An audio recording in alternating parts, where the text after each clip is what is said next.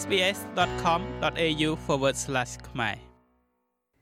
ការធ្វើប្រជាមតិដើម្បីបង្កើតសម្លេងជនជាតិដើមភាគតិចទៅកាន់សភាជាអចិន្ត្រៃយ៍គឺជាអត្ថប្រយោជន៍មួយនៅក្នុងចំណោមអត្ថប្រយោជន៍ខ្ពស់បំផុតរបស់លោកនាយករដ្ឋមន្ត្រី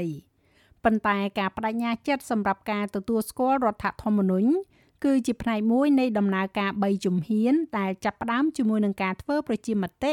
ហើយបន្តរួមបញ្ចូលការប្រាប់ពីការពិត និងសន្ធិសញ្ញា បន្ទាប់ពីការរំពឹងទុកជាច្រើនខែ នៅទីបំផុតយើងទទួលបាននូវការបរិច្ឆេទសម្រាប់ការធ្វើប្រជាមតិសម្លេងជនជាតិដើមភាគតិចទៅកាន់សភាឬភាសាអង់គ្លេសហៅថា Voice to Parliament ហើយ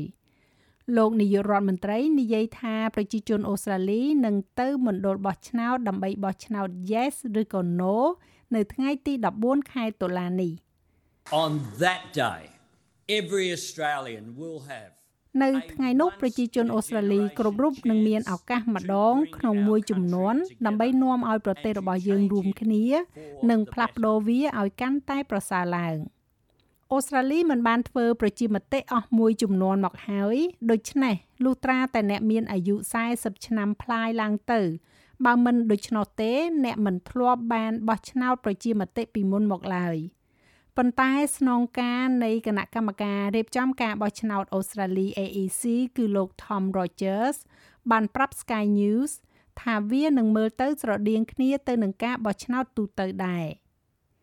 the referendum will look very much like an election there will be the same ការបោះឆ្នោតប្រជាមតិនឹងមើលទៅដូចជាការបោះឆ្នោតមួយដែរវានឹងមានរបៀបដូចគ្នាជាច្រើនដោយដែលយើងធ្វើការបោះឆ្នោតតាមទូរស័ព្ទមណ្ឌលថែទាំមនុស្សចាស់ Aged Care និងមានការបោះឆ្នោតនៅក្រៅប្រទេសការបោះឆ្នោតតាមប្រៃសណី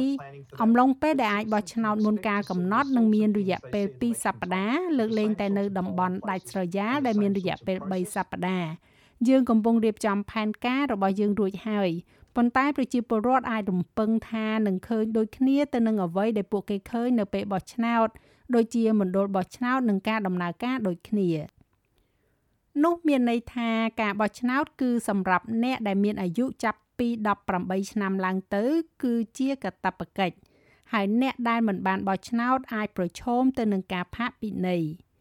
អ្នកអាចបោះឆ្នោតបានតែម្ដងប៉ុណ្ណោះហើយមានឱកាសខ្ពស់ដែលថានឹងមានការលក់សាច់ក្រកប្រជាធិបតេយ្យដោយដែលយើងឃើញគេអាំងសាច់ក្រកលក់នៅពេលបោះឆ្នោតដទៃទៀតដែរ Good morning. What would you like? Hi, how are you? Can I get a, um, a veggie sausage with onions, please? Can you help Harry fill up his portal, please? Yes.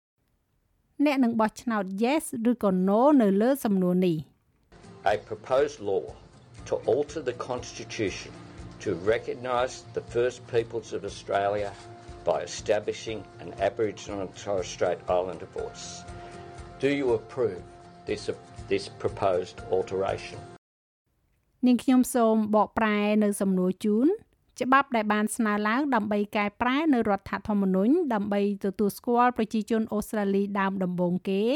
ដោយការបង្កើតសម្លេងជនជាតិដើមភាគតិច Aboriginal និងអ្នកកោះ Torres Strait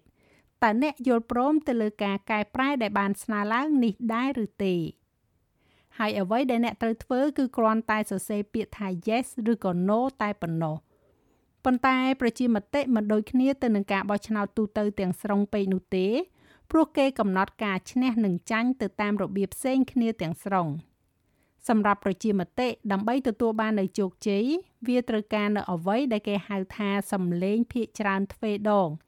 គឺច្រើនជាង50%ជារួមនិងសម្លេងភាគច្រើននៅក្នុងរដ្ឋភាគច្រើនសូមអភ័យទោសចំពោះដែនដីរដ្ឋធានីអូស្ត្រាលី ACT និងដែនដីភាគខាងជើងដោយដែនដីទាំងពីរនេះមិនត្រូវបានរាប់បញ្ចូលជាកត្តានៅក្នុងការកណនានោះទេ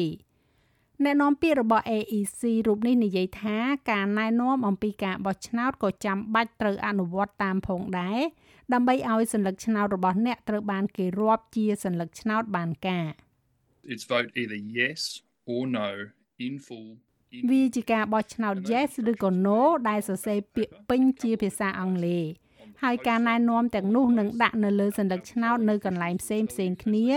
នៅលើផ្ទាំងរូបភាពនៅកន្លែងបោះឆ្នោត មន្ត្រីបោះឆ្នោតនឹងប្រាប់ទៅអ្នកនៅពេលពួកគេប្រគល់សញ្ញាឆ្នោតឲ្យអ្នកនៅក្នុងមគ្គុទេសដែលកំពុងទទួលបាននៅក្នុងប្រអប់សម្បត្តិនៅទូទាំងប្រទេសអូស្ត្រាលីនៅពេលនេះនៅក្នុងការផ្សាយពាណិជ្ជកម្មរបស់យើង ហើយនឹងនៅមានអ្វីជាច្រើនទៀតច្បាប់ភាគច្រើនទ្វេដងនេះធ្វើឲ្យការបោះឆ្នោតប្រជាមតិពិបាកនៅក្នុងការអនុម័តក្នុងចំណោមការបោះឆ្នោតប្រជាមតិចំនួន44លើក នៅក្នុងប្រវត្តិសាស្ត្រអូស្ត្រាលី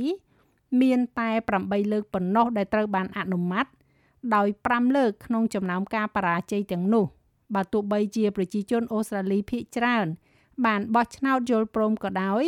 ក៏ពួកគេមិនទទួលបាននៅរដ្ឋភាគច្រើនដែរ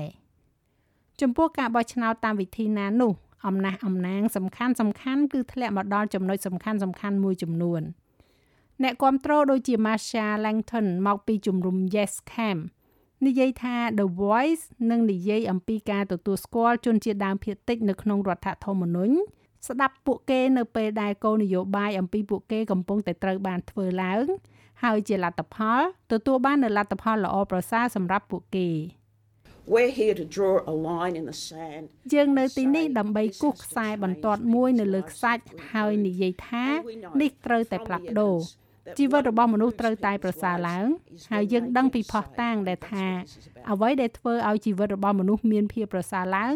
គឺនៅពេលដែលពួកគេអាចនិយាយបាន ហើយនោះគឺជាអ្វីដែលរឿងនេះស្ដីអំពី ចំណែកឯជំរំ No Camp វិញនិយាយថាសំឡេងជនជាតិដើមទៅកាន់សភាឬក៏ The Voice នេះនឹងប្រថុយប្រឋាននឹងមានការបែកបាក់ វាមិនត្រូវបានដឹងហើយពីព្រោះតែវានឹងត្រូវបានដាក់បញ្ចូលក្នុងរដ្ឋធម្មនុញ្ញវានឹងคล้ายជាអចិន្ត្រៃយ៍ប៉ុន្តែមានមនុស្សមួយចំនួនដែលប្រឆាំងទៅនឹង The Voice ដូចគ្នាដែរតែដោយសារតែហេតុផលខុសគ្នាទាំងស្រុងដូចជាសមាជិកព្រឹទ្ធសភាឯករាជ្យលោកស្រី Lydia Thorpe ដែលមានប្រសាសន៍ថាវានឹងមិនបានទៅឆ្ងាយនោះទេ Treaty is what our people have been calling for. សន្ធិសញ្ញាគឺជាអ្វីដែលប្រជាជនរបស់យើង បាននឹងកំពុងអំពាវនាវដើម្បីឃើញថាយើងនៅកំពុងបន្តរញ៉េរញ៉ៃជុំវិញជ្រុងមួយជាមួយនឹង The Voice ដែលគ្មានប្រយោជន៍នោះដែលមិនមានអំណាចនោះខ្ញុំគិតថាយើងបានមកឆ្ងាយពេកហើយនៅក្នុងប្រទេសនេះដើម្បីទទួលយកនៅរឿងកំពេចកំពកលោក Anthony Albanese បានដាក់ទុននយោបាយរបស់គាត់យ៉ាងច្រើនទៅលើការបោះឆ្នោតនេះ ចាប់តាំងពីការថ្លែងសន្ទរកថាដំបូងរបស់គាត់នៅយប់បោះឆ្នោតគឺនៅថ្ងៃសៅរ៍ទី21ខែឧសភាឆ្នាំ2022 I begin by acknowledging the traditional owners ខ្ញុំចាប់ផ្ដើមដោយការទទួលស្គាល់ម្ចាស់ទំនៀមទម្លាប់ប្រពៃណីនៃទឹកដីដែលយើងជួបនេះខ្ញុំសូមគោរពចំពោះចាស់ទុំរបស់ពួកគេកាលពីអតីតកាលនិងដែលកំពុងតែលេចឡើងហើយក្នុងនាម គណៈបក Labor Australia ខ្ញុំបដិញ្ញាចំពោះសេចក្តីថ្លែងការណ៍របស់ Uluru ពីបេះដូងទាំងស្រុងចានៅថ្ងៃទី14ខែតុលាប្រទេសអូស្ត្រាលីនឹងសម្រេចថាតើខ្លួនបានបដិញ្ញាចិត្តចំពោះរឿងនេះដែរឬទេហើយលោកអ្នកអាចស្វែងរកព័ត៌មានដ៏ទូលំទូលាយអំពីការធ្វើប្រជាមតិនេះដោយចូលទៅកាន់ SBS Voice Referendum Portal តាមរយៈ www.sbs www.facebook.com.au/voicereferendum